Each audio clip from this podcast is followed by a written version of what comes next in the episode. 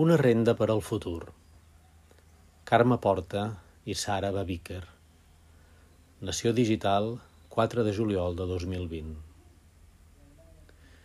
L'ocupació, en un mercat laboral cada cop més precaritzat, és l'única forma d'accedir a recursos econòmics per a les majories socials.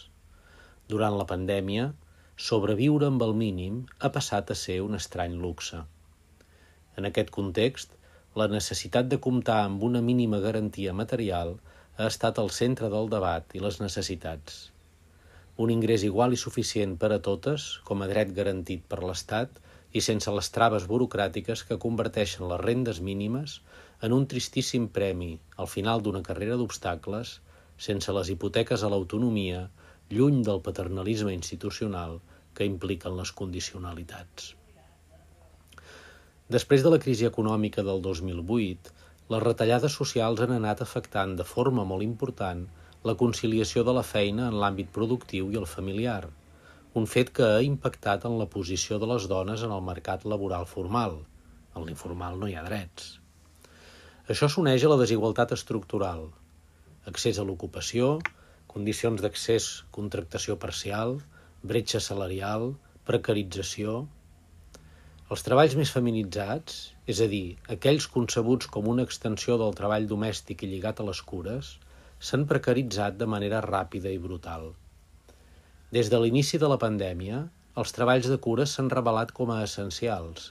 Eren i segueixen sent imprescindibles i mal pagats, però s'ha evidenciat que són irrenunciables.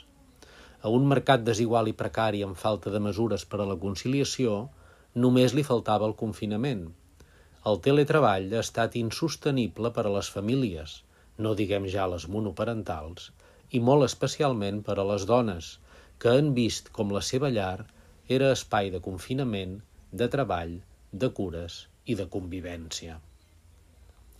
Abans de la gran crisi ja existia la precarietat per a grans capes de la societat, perquè la precarietat és sistèmica i tremendament desempoderant. Si no hi ha amb què negociar, només queda aguantar un cap, una parella. Sí, la desigualtat no és de llavors ni d'ara, és estructural i s'intensifica el ritme que ho fa l'economia. I aquesta és la, ca la causa que augmenti la vulneració de drets de les dones i, alhora, s'incrementin i siguin més profundes les desigualtats de gènere. La crisi sanitària, que també és econòmica i social, ha posat sobre la taula la tan reclamada visibilitat dels treballs invisibles, però no creiem que estigui servint per millorar les condicions de vida de les dones. L'ingrés mínim vital va sorgir com una proposta per a aquestes millores en plena pandèmia, fins i tot potser per a alguns com una proposta de primera fase per una renda bàsica universal i incondicional. Però la seva posada en marxa ha revelat els problemes i els límits que tenen les prestacions condicionades, cosa que ja es va mostrar a Catalunya amb la renda garantida de ciutadania. És en aquest punt que la proposta de renda bàsica universal destaca des del feminisme. Les situacions de vulnerabilitat de les dones són estructurals i molt més nombroses. La posada en marxa de l'ingrés mínim vital pot significar una mesura pal·liativa per a situacions d'emergència, però continua sent una renda econòmica condicional i que, a més, es nodreix d'altres ajudes econòmiques, com per exemple l'ajuda per fill a càrrec, que queda integrada en l'ingrés mínim vital. I això té impacte directe sobre les famílies monoparentals. Si bé la integració d'ajuts és necessària per al finançament, el fet que sigui una renda condicionada i per col·lectius vulnerables no aporta solucions a llarg termini. Així, aquesta nova crisi ens continua precaritzant, però ha destapat la centralitat dels treballs de cures.